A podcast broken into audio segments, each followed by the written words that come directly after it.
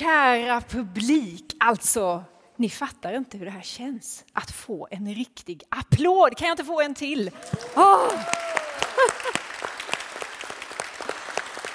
Det har varit så mycket skärmar och så mycket digitalt, men nu sitter ni här och nu får vi äntligen mötas tillsammans på det här på riktigt. Liksom.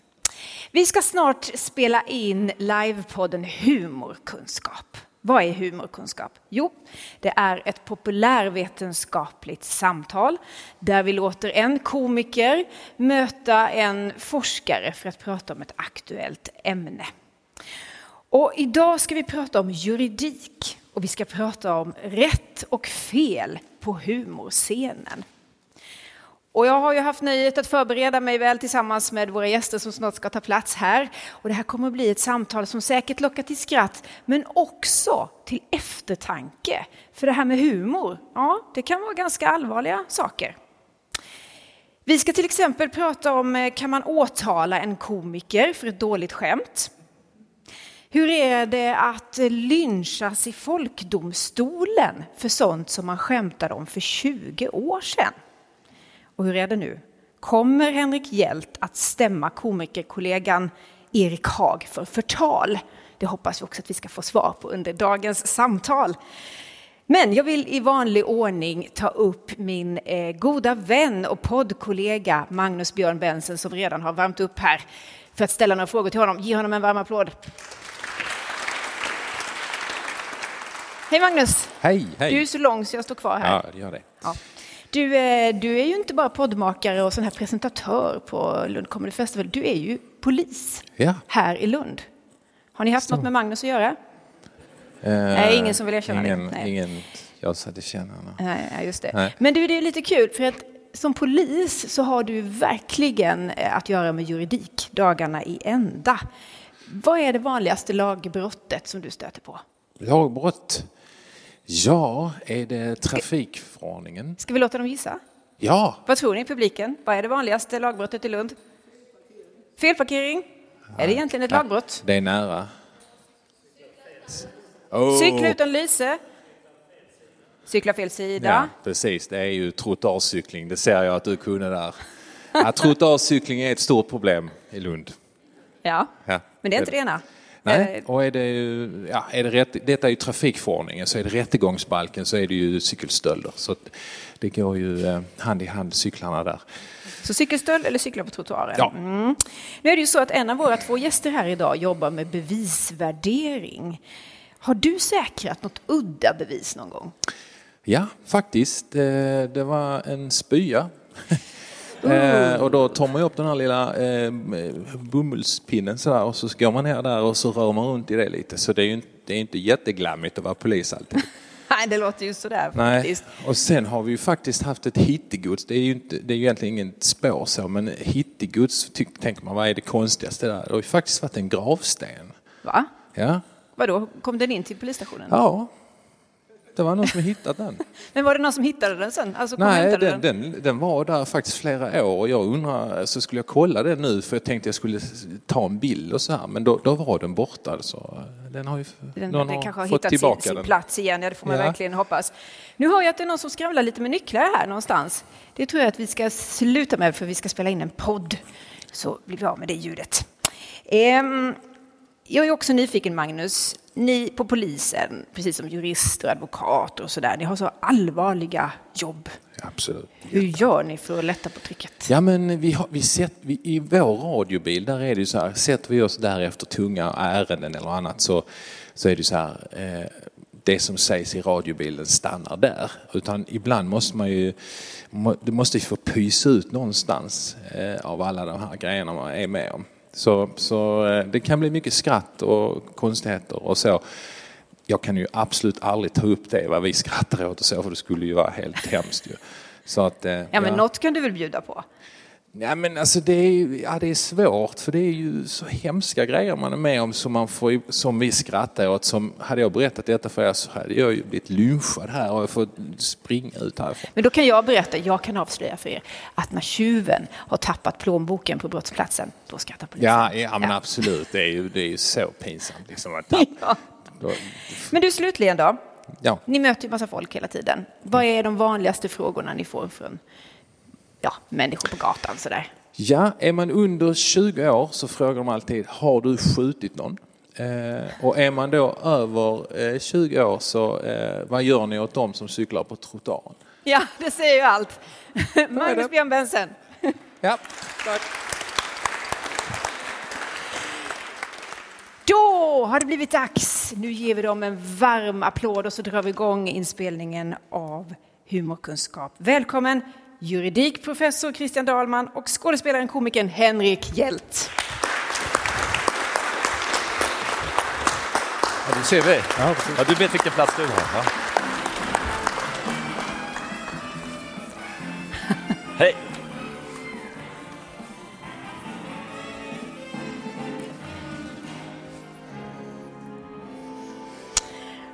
Hallå kära gäster, varmt välkomna. Tackar. Christian, du är Tack liksom stationerad här i Lund, men Henrik, du har kommit hit för festivalen. Ja, Ja, ni är lika välkomna båda två till denna podd. Vad händer på festivalen, Henrik? Vad ska du vara med på? Eh, ja, det börjar ju idag för mig med den här diskussionen som ska bli väldigt spännande. Eh, sen lite senare idag så kommer jag genomföra en så kallad testföreställning eh, som vi kallar för skämtkudde. Eh, Så att istället för skämskudde så är det skämtkudde. Så att, eh, men det är lite kul, för där är det ju så att vi kommer dela ut kuddar till publiken och sen så testar vi skämt. Och det kommer bli väldigt visuellt när det inte funkar kan jag säga. Får man kasta kudden på, på dig? Nej, det, nej, det vill vi helst inte. Nej, nej. okej. Nej, men, Men, sådana här eh, skämtpoliser då, som Magnus? Ja, vi får se om han dyker upp. Ja, det låter spännande. Ja. Det är det ena, och sen har du något annat också? Sen är det en improvisationsföreställning efter det, ytterligare vid, vid tio, halv elva ikväll, som heter eh, Står du här och ljuger? Där vi ska improvisera runt olika ämnen och publiken ska ta reda på om vi talar sanning eller inte. Ah, det låter fantastiskt spännande. Får vi se med bevisvärderingen. Ja, precis. ja. Ja, precis. Jag har roat mig i de här två tidigare samtalen vi har haft i år på humorkunskap att hitta mm, minsta gemensamma nämnare mellan mina gäster. Och det är ju så här att Christian, du är professor i juridik Ja. och Henrik, du är faktiskt utbildad jurist. Visserligen eh, vid Uppsala universitet, men eh, okej då. Ehm, men jag är lite Det är nyfiken. kul att se att alla håller med. Ja, alla, ja, ja, ja, ja. Det är ju sådär, det vet man ju liksom. Men eh, Christian, vad fick dig att välja juridiken? Hur var din väg in? Ja, det är väl ungefär samma som Henrik. Det var plan B. Eh, och eh, skillnaden mellan mig och Henrik är ju att i mitt fall blev det aldrig någon plan A. Just Så det är väl ungefär, men annars har vi mycket gemensamt. Ja, och du då? Vad ledde dig in? Eh, det, det, det föll sig naturligt. Jag tyckte det var väldigt spännande eh, att få kunna grotta ner sig i liksom rätt och fel. Och jag var först reservofficer i marinen. Eh, Men sen gick jag vidare och läste juridik. Då. Så att, Och sen blev det självklart humor. sen blev det det Ja, istället. vi, ska, vi ska grotta i det lite grann, hur det kunde bli på detta sättet. Men Christian, du forskar ju kring och arbetar med bevisvärdering i olika brottsmål. Vad handlar det om? Ja, det är, som ordet säger, alltså det handlar ju i brottmål om att det presenteras massa olika typer av bevisning. Det kan vara vittnesmål, det kan vara forensisk bevisning, DNA, skospår och annat. Och, eh, och då handlar det om hur ska man värdera den här? Vad, hur mycket är det här värt? Alltså, är det nu bevisat bortom rimligt tvivel, det som åklagaren säger? Ja, men hur forskar man på detta? Ja, det finns ju, alltså när det gäller, Henrik pratade ju tidigare om det här om eh, att kunna se om någon ljuger eller talar sanning. Det finns ju enormt mycket vittnespsykologisk forskning kring detta som jag kan säga entydigt visar att vi människor är jättedåliga på att se om någon människa ljuger eller talar sanning. Vi är ganska bra på att ljuga, vi tror att vi är dåliga på att ljuga och vi tror att vi är bra på att se på andra när de ljuger. Ni vet, man gör samma med sina barn, att man säger titta med ögonen och säger att det var inte du som tog den sista kakan. Det där funkar liksom inte. Vi, Domare brukar ha en stor eh, överskattning av sin egen förmåga att se på folk om de ljuger eller inte. Och eh, forskningen visar att nej, du kan inte lita på din, dina intuitioner om huruvida någon ljuger och talar sanning. Men det är helt Så det kan du ta med dig till din suveränt, föreställning. eh, Ja, inför din eh, Ja. föreställning ikväll, tänker jag. Ja. Det är bra att veta mm. hur det ligger till. Men Henrik, du har ju medverkat då i både parlamentet, eh, Högsta domstolen. Vilket tv-program var svårast, roligast? Det är kul att du säger Högsta domstolen som om Ja. det skulle varit ett eh, program som, som verkligen hade med juridiken att göra. Ja. Där kan jag verkligen Lätt säga bra. att det förelåg det ingen som helst adekvat kausalitet mellan skämt och juridik.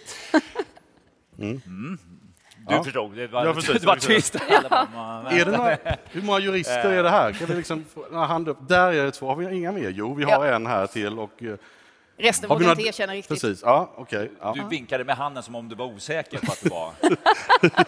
Kanske någon gång. Ja, det, det, när det passar. Nej, då vill jag nog påstå att eh, parlamentet har ju dels betytt väldigt mycket för mig, men också att det är en väldigt rolig produktion. För jag vet ju inte vad som sägs, eh, alltså vad som kommer att sägas i rummet. Nej, det är så alltså. Ja, Det är inte så att man ju- får allt på förhand. Jag har lika kul som tv-tittarna minus mig själv, men det är fantastiskt. ja. Nej, det är faktiskt ett underbart tv-program tycker jag. Eh, Christian, då, har du blivit kontaktad sådär, angående någon eh, uppmärksammad rättegång eller har du haft någonting att göra med typ riktiga Högsta domstolen? Ja, alltså, eftersom jag jobbar med bevisvärdering som är väldigt praktiskt så blir jag ju ofta kontaktad av eh, advokater och andra som ringer och eh, vill ha hjälp med olika saker. De har fått något utlåtande om DNA med något protokoll där de inte förstår vad den här forensiken har skrivit eller vill ha hjälp med att lägga upp sina argument och sådär. Så det händer ganska ofta. Jag var inblandad i Encrochat-målen till exempel och eh, när det gäller Högsta domstolen så kan jag säga att, att jag fick nyligen ett telefonsamtal från Billy Butt. Är det någon som minns honom? Någon tillräckligt gammal för att minnas Billy Butt? Han var ju på 90-talet en känd skivbolagsdirektör som blev eh, dömd för våldtäkt och eh, satt i fängelse under ett antal år och eh, har ju försökt få resning i Högsta domstolen. Och han är nu inne på sin femtonde resningsförsök. Eh, och, så han ringde mig och ville att jag skulle hjälpa honom med det i Högsta domstolen. Och jag gör ju så när folk ringer att jag ibland säger ja, men ganska ofta säger nej. Och när det gäller Billy Butt så sa jag nej. Eh, och då undrar han faktiskt, varför det då? Varför kan du inte hjälpa mig? Och då så sa jag till honom, men du Billy, alltså om jag har förstått saken rätt så är det så att det du hävdar är att du jobbade som skivbolagsdirektör och, och sen så tog du och lurade unga tjejer att ha sex med dig genom att säga att de skulle få skivkontrakt. Fast du visste att de inte skulle få det. Och sen så efteråt så blev tjejerna sura och då så gaddade de ihop sig och sen så hittade de på att du hade våldtagit dem. Och sen så gick de till domstol och så, och så blev du dömd för det. Ja, det är precis så det är, så, så Billy Butt. Och sa men hörru, om det är precis som du säger, då förtjänar du ju det här straffet som du har fått. Case closed kan man säga. Ja, så att, eh, nej, det blev ingen hjälp till Billy Butt. Ja. Intressant. Eh, apropå minsta gemensamma nämnare då så har ni också en sak till gemensamt och det är att ni har publik. Eh, Henrik, du som standup-komiker och skådespelare och Christian i Rättspodden Öppet fall. Hur är det med publiken här? Har ni hört den podden, Öppet fall, någon gång? Hand upp. Ja, visst, vi har några. Ja, ja, många har hört den, men det finns fler som kan lyssna. Berätta, vad är detta för podd? Det är en podd som handlar om uppmärksammade rättsfall. Eh, Vi startar nu vår femte säsong. Vi, det produceras av Lunds universitet eh, och det är jag och olika kollegor, bland annat Elsa Trolle Önnefors som sitter där borta, som gör den här, som är rättshistoriker. Och vi gör ibland om gamla historiska fall och ibland om aktuella. Vi har gjort avsnitt om Palmemordet, eh, Thomas Quick till exempel. Eh, när kulturprofilemålet var uppe så gjorde vi ett fall om, om det. Och, eh, men även äldre fall. Vi gjorde till exempel ett om rättegången mot Carl Jonas Love Almqvist på 1850-talet, den kände svenska författaren. Så att, eh, Men det här är ganska långt ifrån de här eh, rättspoddarna som man har hört talas om så mycket, som är ganska så ja, nasty på många sätt. Man Mm. spelar upp ljudupptagningar från rättegångar och så vidare. Men ni har en annan approach. Ja, jag lyssnar mycket på poddar och jag lyssnar på sådana här juridik och krimpoddar. Och jag tyckte inte det fanns någon svensk som var så som jag vill lyssna på, så då tänkte jag då får man väl starta den själv. Eh, För jag gillar inte det här med poddar som är allt för mycket försöker exploatera eh, de här människorna som har drabbats av brott och deras familjer och eh, så som många av de här poddarna är. Och, eller att vara eh, försöka liksom köra ner någon slutsats i halsen på lyssnarna. Så här, vi, I öppet fall så gör vi så att vi försöker vara väldigt lugna och sakliga och vi belyser argument för och emot och så överlämnar vi åt lyssnarna att själva bilda sin uppfattning vad de tycker. Vi talar inte om för lyssnarna vad de ska tycka för någonting. Och de här historiska fallen, vad kan man lära av dem? Ja, alltså många historiska fall är ju, kanske när man först hör talas om dem så tänker man att det här är ju, eh, liksom, eh, speglar inte dagens samhälle. Men, eh, men det är ju inte allt, alltså det finns ju, när det gäller bevisfrågor så är ju bevis, jag menar vittnesmål, det har ju samma problem. Det var lika svårt att se på folk på 1800-talet om de ljög eller talade sanning som det är idag. Så att eh, man, ur det historiska kan man lyfta fram aktuella problem hela tiden. Henrik, du kom till en punkt och du kände att nej, det här med juridiken, det blir inte min grej. Liksom. Så Nej. valde du humorn istället. Berätta lite om det, om att bestämma sig och gå den vägen. Eh, det var väl egentligen flera händelser som ledde fram till det, men den stora var att jag var först reservofficerare reservofficer och sen blev jag jurist. Men kände också då under en period att jag hade bara med problem att göra. Det är liksom, det, det är, för det är ju så att respekten idag om man ser en, en officer på gatan eller, eller en jurist, det är ju liksom att men man, Man ser ju bara, det på dem om de är Precis, det, i är båda- i båda fallen. Det är så Ja, precis. Ja. svårt. Nej, men att, eh, man är liksom en vakthund i koppel kan man säga, som man släpper när det uppstår ett problem. För det är aldrig någon som ringer sin advokat och önskar glad midsommar. Liksom, utan, utan, eh, så då kände jag att jag ville berika, och överraska och ha kul. Ja. Faktiskt. Men kände du det redan som marinofficer? Att det liksom, ja. Att det gällde att hålla ordning. ja, att du ville ha mer kul, tänker jag.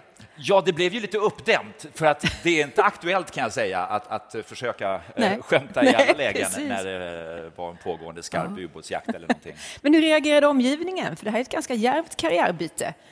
Det är väldigt djärvt kan jag faktiskt säga, för att när jag bytte så eh, klev jag in i ett skrå där de flesta hade gått någon slags utbildning på Dramatiska institutet eller liksom scenskolan och sådär, så att man var lite av en, eh, du vet, katt bland hermelinerna, att man, jaha, vad gör du här? Vad, kan du det här? Samtidigt så blev jag ju kraftigt ifrågasatt ifrån eh, juristkollegor eller tidigare som sa, är du allvarlig? Du har Nej, gått jag är inte igenom allvarlig. den här utbildningen, du har en fot inne på en advokatbyrå Ja. och du ska alltså gå och bli arbetslös. Ja. Det, Hur svarade du då? jajamän, så Ja. Okej. Men eh, då- undrar man ju, är du juristernas önskegäst på julfesten eller är du deras mardröm? Du som kan inifrån. Ja, både och skulle man väl vilja säga. Nej, men jag tror att just när det gäller eh, om man ska underhålla på en advokatbyrå så gäller det att vara påläst. Ja. Så enkelt är det. Och det är alltid roligare att kunna det man skämtar om. Och de som tar emot den eh, formen av humor är också att landar det nära dig så känner du mycket starkare med, med historien och skämtet. Såklart. Christian, har jurister humor? Eh, jag tror att det är så här att till att börja med, om man ska skämta om jurister så måste man nog nästan vara lite jurist själv. Jag har ofta hört icke-jurister som försöker skoja med jurister och det blir inte så kul för de vet ju inte liksom hur, hur vi är. Däremot så när jurister skojar om sig själva, när man, när man sitter med några advokater i USA liksom, och de drar sådana här lawyer jokes för sig, då, eh, Alltså då, de vet ju vad de pratar om, så då blir det ju liksom skämt som verkligen slår. Eh. Annars så tycker jag det är, eh, är, slående att det inte finns så mycket humor om juridis, jurister. Va? Det, vi gjorde nyligen nu i somras avsnitt av Öppet fall om eh, eh, rättegångsfilmer. Så vi gjorde fyra specialavsnitt som handlade bara om rättegångsfilmer. Vi gjorde en topplista, de 40 bästa rättegångsfilmerna någonsin. Alltså du menar spelfilm nu liksom? Ja, alltså precis. Ja, populärkultur. precis. Eh, och, eh, och då så, ja, på min topp 40-lista där så var det bara en som var en komedi. De andra 39 är liksom allvarliga och det säger ju någonting om den här genren. Den, den enda komedin det var My Cousin Vinny från 1992 med Joe Pesci, jag vet inte om ni har sett den, som är, där han liksom är en sån här då advokat som, från New York som kommer till Alabama och klantar till det och det blir liksom komiskt och sådär. Va? Alltså varför finns det bara liksom en, och det finns hundratals dramatiska rättegångsfilmer? Vi borde kanske ändra på det. Henrik, Ja, vad säger tänker du? Ah, d- nej, ja, det finns ju säkert en möjlighet där. Sen tror jag att det är känsligt därför att du har ju alltid en drabbad part oftast. Ja. Så det gäller ju att du är väldigt tydlig i din riktning när det gäller liksom humor så att det inte det blir att man skämtar på någons bekostnad, att den som har drabbats av något tar åt sig av situationen. Så det, det, det är lite känsligt och jag tror att det är därför också man kanske undviker det. Och det leder in på vårt första ämne här, för nu när vi ska prata juridik och humor så tycker jag det är intressant att diskutera var går gränsen? För att som, som komiker så handlar det väl ofta om, tänker jag, att ligga ganska nära en gräns. Vi som sitter i publiken, vi vill vara lite sådär, uh, lite obekväma och känna att, att vi blir lite överrumplade, blir liksom lite avslöjade, tänker jag. Men hur, hur långt vågar man gå? Eh, ja, det där är ju en ständig fråga som vi inte kommer att hitta ett svar på i, någon gång i historien. För det är ju så att publiken sitter och förväntar sig, liksom, kom igen, knuffa på gränsen, give it to me, give it to me, kom igen, nu kör vi. Och, och, och vi blir ju triggade och sen så testar man och så testar man. Och i det här testandet så ingår det ju, alltså skulle jag vilja säga per definition, att man trampar över gränsen. För den är ju mm. osynlig och framförallt så lika många eh, människor det är till exempel i det här rummet just nu, lika många gränser finns det för alla har sin. Mm. Så det är jättesvårt. Det är väldigt svårt, utan där blir det mer personligt skulle jag vilja säga att det finns komiker som är där och tassar och testar gränser och går över ibland, men har tillräckligt mycket skinn på näsan för att komma tillbaka. Och så finns det de som väljer att istället eh, vara på den trygga sidan och bara leverera liksom, rolig humor men som aldrig är riktigt där på gränsen. Nej. Men jag tänker stand-up är ju oftast väldigt förberett. Mm. Eh, kan väl innehålla många moment av, av, improvisation också. Men hur mycket agerar man på de reaktionerna man får från publiken? Om man känner att nej, usch, det här landar inte bra alltså. Jaha, om, om, om, det, om det blir fel? Ja, om man styr om då? då? Jag är väldigt transparent, att man tar in rummet såklart. Jag kan ja. inte stå och låtsas att jag inte känner av att det sitter Nej. 300 människor och hatar mig helt plötsligt. man pratar som en psykopat. Nej, men, så att, eh, går man över gränsen så får man ju säga så här, wow, okej, okay, nu, nu reagerar ni bra, note to self, jag ska inte skämta om det här igen och så där. Och, så, och sen går man vidare, för att bara jag ger ett klartecken så visar ju jag att jag förstår hur alla reagerar. Mm. Och då blir det någon slags konsensus i rummet som gör att ja, men det är bra, då, nu vet Henrik det, nu går vi vidare och så där. Ja, just det. Men, men det är klart, mm. skulle jag göra det om och om igen så skulle väl folk Ja, det har varit lite märkligt. Men på vems bekostnad skämtar man då? Finns det någon sån regel att man typ alltid sparkar uppåt? Eller hur, hur ja, det? det? tror jag. Alltså, det, det, man ska ju, jag tycker om att skämta om att man sparkar uppåt, att man är kanske ironisk och så vidare. Det finns ju då till exempel sparka neråt, kallar man ju för lyteskomik. Och det, eller att man använder sig av någon ovetande människa för att framhäva eh, sin egen humor. Att man liksom, och det, jag har svårt för det. Jag tycker om att driva på min bekostnad eller ta upp allmänna, men, eh, eller om företeelser och människor som har makt eller liksom befinner sig i en position där man ändå kan bli ifrågasatt och alla i rummet kan koppla av och följa med på den resan. Mm. För jag har väldigt svårt för att eh, skämta neråt eller driva på någon annans bekostnad. Mm. Schysst, det är väl värt en applåd. Håller ni inte med om det? God humor. Ja, vad skönt. Ni sitter tysta. Jag bara, ja. vänta här nu. Så andäktigt. Man... Men Christian, då, finns det exempel på stand-up-komiker som har blivit åtalade för sina skämt? Det är ju väldigt allvarligt. Ja, det finns det ju. Det är så? Uh, absolut. Alltså, det är ju, vi pratade om gränser här innan. Jag tänker du, du kanske syftar i första hand på sociala eller moraliska gränser, men sen finns det ju juridiska gränser man kan gå över. Och eh, om det, alltså jag tror ju att det är ganska många standup-komiker som, som begår brott fast de undgår åtal, förtal och sånt där. Men det finns ju exempel. Eh, eh jag vet inte om ni känner till Lenny Bruce?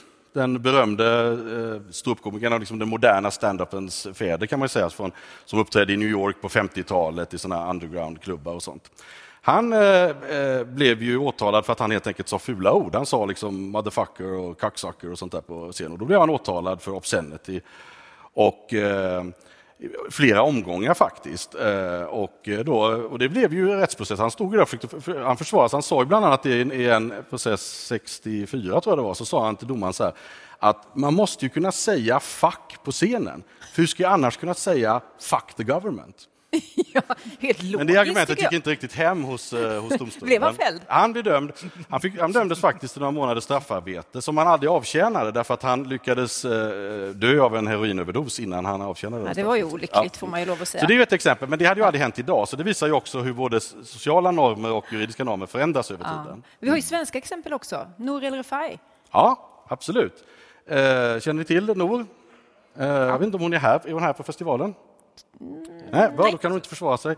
Eh, Nour gjorde ju ett eh, tv-program som heter Rai Rai på, i TV4 på, eh, på, 20, på 00-talet. Jag vet inte om ni minns detta. Eh, där de, det gick ut på att det var en slags dolda kameran-grej där hon gick fram på stan i Stockholm till män och så provocerade hon dem och, och sa väldigt eh, provokativa saker som chockade dem och så filmades de i hemlighet och deras reaktioner på dolda kameran för ett filmteam som var, gömde sig. Och sen så visade man detta. Eh, och, eh, och då var en, en av de här grejerna var att hon blottade sig. Hon gick i Humlegården i Stockholm och hade liksom en kappa på sig och när det kom fram män så sprang hon fram och skrek och liksom visade brösten för dem. Eh, och det var då tydligen roligt. Eh, och, eh, och då så, de här männen då, kom någon liksom, gubbig keps då, så blev alldeles vettskrämd och så filmade de det och så, och så var det liksom skämtet. Och, det, och så höll hon på så här ett tag och så, plötsligt så kom det en gubbe som då när hon gjorde det här eh, inte alls tyckte det här var roligt, gick bort till tv-teamet och sa men det här är ju liksom det här är ju sexuellt ofredande, där, vad håller ni på med? Det här så kan ni inte göra. Och de sa, men det här är ju humor, fattar har du inte humor? Och då polisanmälde han ju dem. Och då blev det rättegång i Stockholms tingsrätt där Nour El Refai åtalades för sexuellt ofredande, för det är ett brott att blotta sig. Hon, hennes försvar där var att hon sa att ja, men mitt, mitt syfte var liksom inte att jag gjorde det här av sexuell tillfredsställelse, utan mitt syfte var humor. Och då så sa Stockholms tingsrätt att det spelar ingen roll, därför det är sexuellt ofredande. Man får inte blotta sig för andra på stan oavsett vad, om man vill skoja eller inte. Eh, så hon dömdes ju och eh, hon överklagade till hovrätten och blev dömd igen. Hon fick eh, böter, för mig det var 11 000 kronor ungefär. Så att, och, och jag kan säga, tingsrätten avslutade sin, sin dom och skriva det, läsa här, som jag tror säger en hel del om det här mötet mellan, mellan juridik och, och tv-produktioner. Så skriver tingsrätten så här. Tingsrätten vill framhålla att en brottslig gärning på intet sätt kan rättfärdigas genom att den företas som ett led i en programinspelning. Anställda vid ett produktionsbolag har inte större utrymme att agera brottsligt än medborgare i övrigt.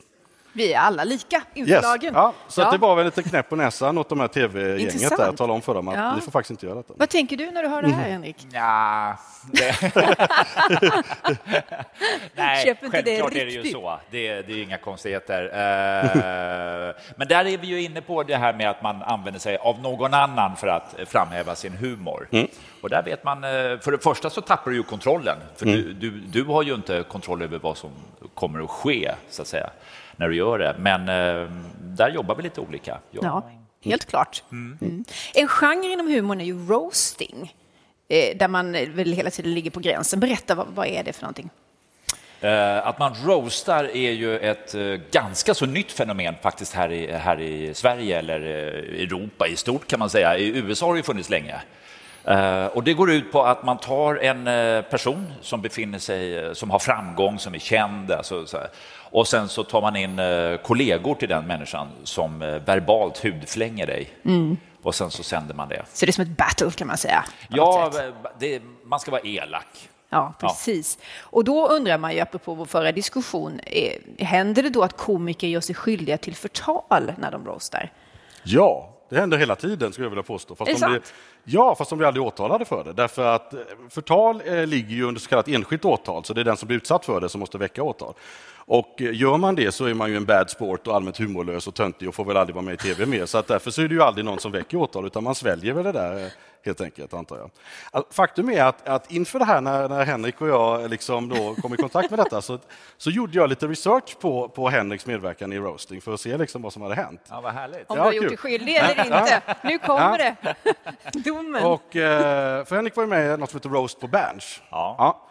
Och det finns ju då på Youtube, så att jag tittade på det där. Och, eh, och då så såg jag ett avsnitt när du roastade Claes Malmberg och där det är så att, att när du blir presenterad så blir du presenterad av Erik Haag som är moderatorn i programmet. Och då roastar han roastaren kan man ju säga. Mm. Eh, och då så, eh, då så säger Erik Haag, vad han gör där i princip är att han uppmålar dig som nazist. Han säger att du tillhör vit maktrörelsen och han, han, säger, han säger nu en, ett stort Sieg Heil för Henrik Hjelt, säger han när du ska gå upp på scen. Och man ser att du inte tycker det är jätteroligt. Mm. Eh, och det där är ju, om, om, man tittar på, på brottsbalken så står det ju det att, att den som utpekar någon för något som är ägnat att utsätta denne för andras missaktning, så är det förtal. Och det är ju ett solklart förtal detta. Så att, mm. jag menar, Erik Haag förtalade det där. Så att, eh, jag, ja. pratade med Cecilia, jag tänkte alltså, faktiskt eh, kunna erbjuda mig om vi skulle kanske, kanske stämma Erik Haag. um, vad säger de? Det... Jag tänkte det blir ju vissa omkostnader. Mm. Men jag har med en burk vi kan skramla lite. Jag tänkte att vi kan, kan vi inte skicka ut den här i publiken? Så att alla som vill vara med här, ni skickar runt den här burken kan Bidra ni lägga några kronor i den. All, alla som vill vara med och stämma Erik Haag. Så jag, jag tänkte, jag, jag kan säga, jag har också en, en advokatkompis som är kompis med Martina Haag. Så att vi kan, jag tror hon kan vara, eh, lägger nog en hel del i den boken och vi skickar den till Oj, henne oj. Ja. Så Vi att, behöver inte eh, lägga mycket, för han är inte dyr den här killen. Han, är, han är finansierad av universitetet. Ja, ja, ja. Men, men vad säger du, Henrik? Är det läge för en... Nej, alltså det finns flera aspekter i det här. Det är kul att du tar upp det. Eh, för det första så, så ska man ju säga det att själva formatet, roasting, Ja. har funnits länge i USA, vilket gör att från början var det ganska snällt och sen har det tenderat att bli råare och råare och tuffare och tuffare, det man säger. Men den resan har ju pågått under 40 år, så att i USA, när man har en roast som är stenhård, och går över alla gränser så har alla liksom vant sig och följt med på den här liksom, utvecklingen av formatet. Eh, Men när man då i Sverige säger åh vad roligt, den tar vi, så blir det ju en chock för alla. Därför att helt plötsligt så står man och är dunderelak, alltså genuint taskig på scen. Och vi har ju inte fått följa med på resan, så det var en chock för tittarna. Eh, och eh, även om man föreställer sig liksom att Nej, men jag, jag tål det här, det, det här kan bli kul, så, så händer det ju spännande saker som sagt var. Nu reagerar vi ju väldigt olika. Min reaktion var hur får jag tillbaka rummet? För det här ägde rum, alltså inspelningen var på Berns uppe i Stockholm. Hundratals människor sitter, 400-500 i publiken. Och min första tanke är, för stämningen dog ju. Man kunde höra elskåpet längst bak i salen. Så här, Fy, så och jobbigt. alla satt och bara... Ja, hur ska han rädda hem det här Ja. liksom? Eh, Så det var ju mitt fokus, inte liksom, jaha, nu åker du dit, utan det var ju liksom, hur, hur får jag igång stämningen här igen? Ja. För det var verkligen... eh, Du skulle var- haft en skämskudde och viftat med där. Vad du? Skulle haft en skämskudde. Ja, det, verkligen. Det, nej, det var jättesvårt. Det, Ja. Alltså för att jag tänker ju när man står på scen så är man ju inne i liksom underhållningsvärlden. Mm. Så att man tänker inte på liksom rätt och fel utan bara hur får vi det här att bli bra och kul. Men blev du på riktigt sur? Ja, inte, alltså inte egentligen för det han sa, utan för det som eh, skapades i rummet. Vill- Lägg märke till nu att detta bekräftar det jag sa innan, att man inte ser på någon när de ljuger. Nej, men det var väldigt överraskande just därför att jag trodde att vi alla hade en överenskommelse. När jag var med i programmet så fick jag förfrågan, vill du vara med och roasta olika människor? Och då sa jag, vilka? För jag vill kliva upp på scen och, och veta att alla i publiken vet att jag känner den här människan som jag är elak mot. Och att vi har ett kamratligt, eh, en överenskommelse om att nu åker vi. Och, så kan alla vila i, i den liksom, vetskapen och då tror jag att också publiken har lättare att skratta. För det blir inte så känsligt att oh, utan det blir liksom åh vad roligt om det liksom är skvaller mellan olika människor. Så Då åker man med i det. Vet du Ja. vad, vi återkommer till det här med eh, om vi ska eh, dra igång något arbete här kring Erik Haag, när Ja. vi ser vad som har hamnat i burken. Vi Ja. kollar av det innan vi avslutar för dagen här tycker jag. Eh, Det finns ju andra juridiska termer här som är intressanta att diskutera. Till exempel upphovsrättsbrott. För där har vi en intressant fråga som, som ni snart ska avhandla i en podd. Eh, Det handlar om komikern Aron Flam. Kan du berätta Christian? Det är i det här fallet en svensk tiger som jag tror att många av er kanske känner till från media. Där domen från hovrätten kom nu precis i juni. Och det handlar ju om den här Bertil Almqvists berömda affisch från beredskapstiden En svensk tiger som komikern Aron Flam har använt i ett sammanhang där han kritiserar svensk undfallenhet mot Nazityskland och har då ändrat i den här tigern så att den här tigen gör Hitlerhälsning och har en, en hakkorsbindel. Och det här har han använt på sin podd och han har det på omslaget på en bok som heter Det här är en svensk tiger. Och då blir han eh, då åtalad för upphovsrättsintrång. Här, och han säger med detta är humor. Men eh, då, de som äger upphovsrätten, som är Beredskapsmuseet och Bertil Almqvists dotter, de tycker inte alls att det här är roligt. Och eh, frågan är då om man får göra så här. Det, det finns inom upphovsrätten något som brukar kallas för parodiundantaget. Att man får använda ett upphovsrättsligt skyddat verk i ett parodiskt syfte. Och frågan är om det här täcktes av det eller inte, vilket nu hovrätten ansåg i det fallet. Han, eh, han blev ju friad. Och, eh, det, vi håller på att göra ett avsnitt av Öppet fall om det, det kommer i oktober. Jag tycker det är så underbar term, parodiundantaget. Det skulle jag vilja applicera på många saker i livet. Det här är mitt parodiundantag. Men det är väl det, det som är problemet lite grann, att, att det får inte gå dit att, att, att humor blir en alibi för att göra vad man vill. Nej, det är det precis det som, förstått. som eh, de sa till Nor. Till Nor va? Exakt. Du får inte använda humor som alibi för att göra vad som helst. Men ändå har vi ett undantag. Så Ja, alltså, det är det som är avvägningen, det är det som är det svåra. Va? Ah, men har du någonsin hört talas om detta parodiundantaget, Henrik? Ja, det Ja. Känner jag till. Eh, ja. Men eh, det, det hade varit aktuellt att vet veta det. Så det, jag har klarat mig. Man kan köra det hemma också vid köksbordet sådär, eh, med nära och kära. Det funkar i många sammanhang.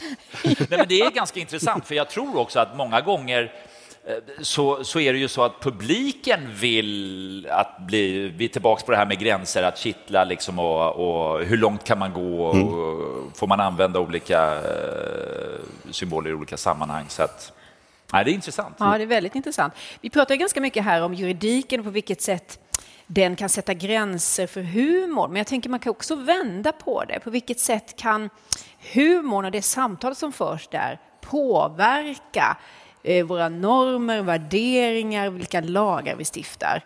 Eh, jag tänker där till exempel på eh, Hasse och Tage. De fick ju sånt enormt genomslag för sketchen om sannolikhet. Ni vet, apropå Harrisburg och lyckan.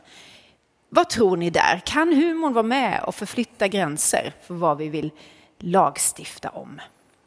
Alltså det finns för många historiska exempel på det där, man, eh, där opinionsbildare har använt humor. Eh, ett, ett exempel jag tänker på är ju eh, Jonathan Swifts A Modest Proposal. Känner ni till det? Han, det var ju han som skrev Gullivers resor. Han, på 1700-talet så skrev han en liten pamflett som gick ut på att han hade förfasats över hur illa fattiga behandlades på Irland och den okänslighet som den engelska överklassen hade inför detta. Och då skrev han en pamflett som var ironisk där han låtsades att han var en engelsk affärsman och hade ett förslag på vad man skulle göra med alla de här fattigbarnen på Irland. Nämligen att man skulle äta upp dem. Eh, och då skriver han i den här bland annat så här. eh, a young healthy child, well nursed, is at a year old a most delici- delicious nourishing and wholesome food, whether stewed, roasted, baked or boiled. Så att det är ju liksom ett exempel på det här hur man använder ironi för i eh, liksom en... Ja, men det är att- lite risky. att- Det är inte säkert det landar rätt. Liksom. Det måste gå hem. Ja, det, alltså det, så småningom. Jag menar, eh, det, det, här- 1700-talet hände väl inte så mycket, men sen på 1800-talet med Charles Dickens och andra så blev ju, skedde ju så, så småningom sociala reformer i England när det gällde arbetarklassen genom att man exponerade på olika sätt hur illa de hade det. Vad, vad tror du, Henrik? Kan humorn förflytta liksom, våra positioner, vårt tänk? Det tror jag vore att eh, förhäva sig och säga det. Men jag tror däremot att humor och, och komiker kan peka på företeelser och tankar och se dem ur ett nytt perspektiv och liksom sticka hål på vissa värderingar som gör att man får igång tankar och diskussioner hos människor som i sin tur liksom flyttar gränser. Så det jag skulle vilja säga, utan att göra mig viktig, att komiker är viktiga Verkligen. i det att kunna identifiera saker och, och kunna också ventilera det känsliga. Att vi får skratta åt det hemska, men ändå ta med oss en tanke att okej, vi kanske ändå ska tänka på det här. Och humorn är ju så Men det är precis det, förlåt jag avbryter, men det är exakt det här som Aron Flam körde som sitt argument genom hela de här domstolarna. Att han säger att det här handlar inte bara om skrattet och humorn, utan det handlar i grunden om yttrandefriheten. Jag menar, han, gör, skriver inte, det- han kritiserar inte Sveriges förhållande till Nazityskland bara för att vi ska få ett gott skratt om det, utan det handlar om ett allvarligt budskap i grunden, att fundera över vår svenska historia. Så att eh, det här parodiundantaget handlar inte bara om att skydda skrattet, det handlar om att skydda yttrandefriheten och, Precis. och den fria debatten. Men humorn är så mycket en spegel av liksom vår tid nu och våra värderingar nu. Jag tänker, hur är det då när vi plockar upp gamla skämt från förr? Jag vet, du har lite personlig erfarenhet kring detta. Ja, jo, men så är det ju. Det, det, är- som komiker och framförallt inom stand-up så skämtar vi om det som är om, omkring oss eh, och, och det som är aktuellt. Och som allt så är det ju, allt har sin tid. Det, det, det är ju inte stekhett att skämta om Jeltsin idag och sådär. Liksom, utan liksom det, och sen, eh, men det som är intressant är ju att man idag som komiker även får stå till svars för det man kanske har sagt en gång i tiden. För det finns där ute. Det går att klicka upp, titta på och lyssna på. Ja. Och det hände dig. Det hände mig. Nej, ja, du, ja, du tänker på, på när jag diskuterade jämställdheten kanske? I parlamentet. Just det. Eh, jo, eh, det är ett ganska bra exempel. Vi diskuterade, ämnet vi skulle skämta om var jämställdhet och feminism. Och min tanke var att jag tycker att det är fascinerande med människor som vänder kappan efter vinden, håller med någonting som trendar, ett ämne, liksom, ojämställdhet, absolut. Men som i grund och botten inte står för det. Mm. Så jag ville liksom skapa ett skämt som sticker hål på de människorna, liksom, att du ska bottna i det du säger. Och därför så intog jag då en ställning där jag eh, sa i parlamentet att eh, jag är verkligen för feminism och jag är för jämställdhet på alla sätt och vis. Problemet är bara att nu har vi försökt det här i hundra år. Så mitt eh, tips är att vi sätter en, en man på jobbet så blir någonting gjort. Man känner ja, det... rysningen genom rummet. Ja. Därför att jag tyckte att det var ett bra skämt ja. där, jag säger att jag är för, men sen så precis som många som bara ja, ja, ja, och sen faller de tillbaka i mm. patriarkala mm. mönster. Liksom. uh, och där och då landade det lite som nu, det puttrade och ja, kul, lite fyndigt och sådär. Och, och sen då, eh, vad vet jag hur länge sedan det var, säkert 10 och 15, alltså, så kommer metoo och någon klickar upp det där och bara och inte liksom vill följa med på min resa.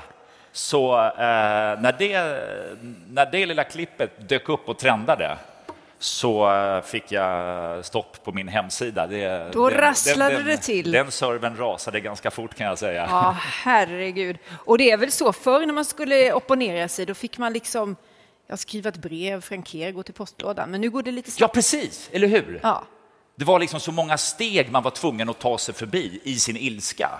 Där vi liksom, alltså backar vi 20 år, då var du tvungen att stresstesta din egen irritation. Där du bara, först ska du bli arg, sen, sen ska du vara så arg att du orkar gå upp och hämta brevpapper och du sätter dig och du skriver och du stavar förmodligen fel och sen så får du ta ett nytt papper för det fanns ju inte autocorrection och skit. Och, och sen när man är klar med alltihopa så bara, jaha, men då måste jag ju skriva mitt namn också. Eller hur? Jag menar, liksom idag, nättrollen, de syns ju inte, utan jaha, nu måste jag skriva. Mats Göransson, jag är förbannad liksom. In i ett kuvert, slicka kuvertet, skära sig på tungan, bli ännu mer arg. Gå iväg i regnet till brevlådan och lägga det liksom och bara så, nu har jag fått det sagt liksom. Då, det hände ju även då, att man fick liksom, men då hade man ju respekt. Man läste brevet och bara, här är det någon som tycker något. Alltså det finns en tyngd i argumentet. Idag så alla, alltså telefonen åker ju upp på två sekunder mm. och sen trycker man liksom. Så att det är så här, men det är lätt att skratta åt detta, men jag tänker många komiker är ju i en otroligt utsatt position såklart. Ni får massor med reaktioner, mm. både massa kärlek såklart, men också då både hat och mm. hot och så. Hur påverkas man av det? Det är klart att man påverkas. Det, det, ju, det går inte att ducka för. Sen kan man försöka att eh, undvika det så mycket det går och och man kanske har en period där man försöker ta sig till, för det finns ändå rimliga människor där ute som kommer med väldigt bra argument som jag kan lära mig av. Men, men i det här flödet av liksom konstigheter så blir det väldigt svårt. Mm. Det, det... Men tror du det gör att man, man tar ner lite grann, att man anpassar sig, att man blir mer försiktig som komiker? Det har nog att göra med skämtet i sig om du verkligen står för det, om du ville säga något mer eller om det bara var ett enkelt skämt. För då kan du liksom sopa bort det, att Nej, men det där var inte så viktigt. Nej. Men i just den här frågan med liksom jämställdhet så vill jag ju peka på de som tycker något mm. men, som inte, men som ändå liksom bara följer med trender. Ja. Så där vill jag liksom, nej, där, där står jag orolig. Jobbigt. Men Christian, var går gränsen här då? När är det ett brott att hata och hota en komiker på nätet? I samma situationer där det är utanför nätet.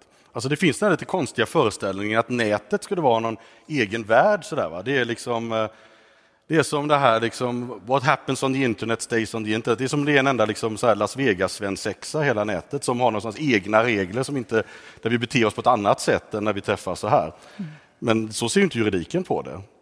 Alltså det är ju förtal är förtal om det är på nätet eller, eller face to face och alla andra brott är ju också brott, vare sig de begås på nätet eller inte.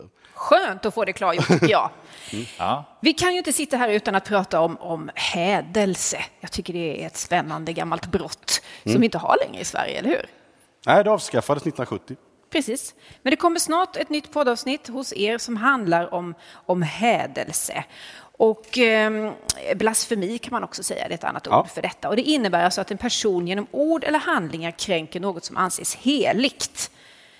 Det är avskaffat här, men inte i alla andra delar av världen, eller hur? Nej, verkligen inte. Eh, Alltså I Sverige så infördes det på 1500-talet av, av Erik XIV och eh, då var det förknippat med dödsstraff. Och sen så existerade det i Sverige ungefär i 400 år och successivt så blev eh, det lindrigare och lindrigare. På 1800-talet tog dödsstraffet bort och sen så småningom avskaffades det helt. Och, men eh, i, idag så finns det ju många länder som fortfarande, om vi tittar på Saudiarabien och Pakistan och sådana länder, så är det fortfarande så att människor avrättas för hädelse. Så det är ju någonting högst levande, även om inte vi har det i Sverige. Mm. Det fallet som vi ska, kommer göra ett avsnitt om, som, som kommer i, i november, handlar om Knut Wicksell. Jag vet inte om ni känner till honom. Han var professor här i Lund i början på 1900-talet i nationalekonomi och var en väldigt eh, radikal och kontroversiell person som hade för tiden åsikter som var väldigt provocerande. Han var ju till exempel mot eh, monarkin, han ville införa republik. Han, han hade den här helt på den tiden radikala idé om jämställdhet mellan könen som folk tyckte var helt galet på den tiden. Fanns och, inte internet då?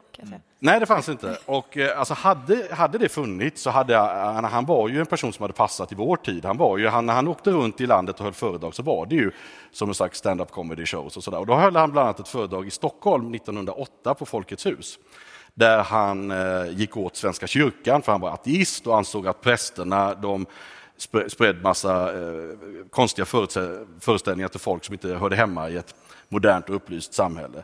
Och hans, hans argumentation var ju som en slags stand-up-föreställning. Han, han jämförde Bibeln med sagor om tomtar och troll. Och, och han, han, han, sa det, han, han, sa att Gud är en slags tomtenisse. Och så sa han det att ja, eftersom han finns både i himlen och på jorden så kallar jag honom för en dubbelnisse. Och det, alltså, detta är ju stand-up alltså, 1908. Ja. Och eh, efter det här föredraget så blir han åtalad för hädelse då, och, eh, och blir ju dömd och kommer att sitta av några månaders fängelse småningom i Ystad, här ja. nere i Skåne. Efter det har vi inte haft så många roliga nationalekonomer. Jag vet inte, kanske hänger Nej, det är lite, det är lite ja, så alltså. Det behövs. Men, men, men, är det för att vi är så sekulariserade här i Sverige som vi har tagit bort det, tror du? Är det det som är, eller är det... Ja, men det är det ju. Alltså, därför att, alltså, trenden här, alltså det, det är intressant därför att Observera att i de gamla landskapslagarna så fanns inte hädelsebrottet. Så det införs på 1500-talet av Erik XIV. Så det säger ju också någonting. Att vad, vad, vad, handlar det om? Uppenbarligen tyckte de här olika lokala landskapslagarna att det kunde folk få häda, det är inget vi behöver göra. Men Erik XIV tyckte att det här behöver göras ett brott av detta. Och det beror väl på att kungamakten och kungens auktoritet var så nära knutna med Gud och kyrkan på den tiden. Så att det var väl liksom, han tänkte att det är väl bäst att alla auktoriteter, liksom både jag och Gud, ska liksom skyddas ordentligt. Eh, och sen så avskaffas detta successivt och eh, i vår historia så är det ju förstås den kristna kyrkan som har tryckt på.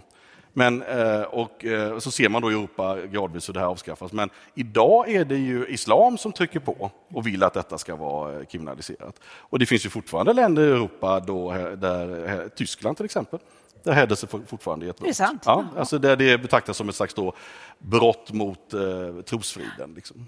Intressant. Och detta är ju något som muslimerna trycker på. Det är inte mm. så att de kristna i Tyskland tycker att det vill att det ska vara på det sättet. Utan det, ja. Så det speglar ju den här förändringen. Det är det här som är så underbart med humorkunskap. Man får lära sig nya saker som man mm. inte kände till. Mm. Vet ni, vi kan fortsätta prata evighet känner jag, men vi måste avrunda här ganska så snart. Jag vill fråga dig Christian, får man vara rolig i rättssalen? Alltså det är ju sällan så att domare och de här rättsaktörerna är roliga eh, i rättssalen. Och det är ju av respekt för parterna helt enkelt. Alltså där de parterna som sitter där, det är ju människor som är åtalade för brott eller de har vårdnadstvister. Då kan man ju inte sitta som domare där och skämta till det. Eh, många domare kanske hade en kul replik på tungan, men de sväljer den därför att helt enkelt visa respekt för parterna. Så att det, Jurister är ju lite grann, som vi Henrik har pratat om innan, vi är de vuxna i rummet lite grann som tar en kula för resten av laget. Ni andra kan skämta och skratta, men juristerna får, får hålla lite på sig för att, eh, med, med hänsyn till vissa personer. Så skulle jag vilja säga till Och Henrik, får man vara allvarlig på humorscenen? Det måste du vara. Det ska du vara.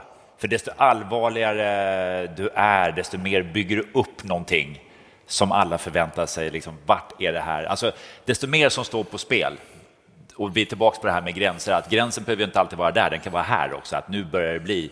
Jag, jag brukar säga det, att det är kul att ta med sig publiken på en liten resa mot någonting fruktansvärt läskigt och få alla att inse det här och sen så går vi tillbaka lite och skojar om det, för då är alla med. Så att, ja, jag tycker absolut. Underbart. Stort tack Christian Dahlman, Henrik Hjelt. Tack så mycket. Tack ska du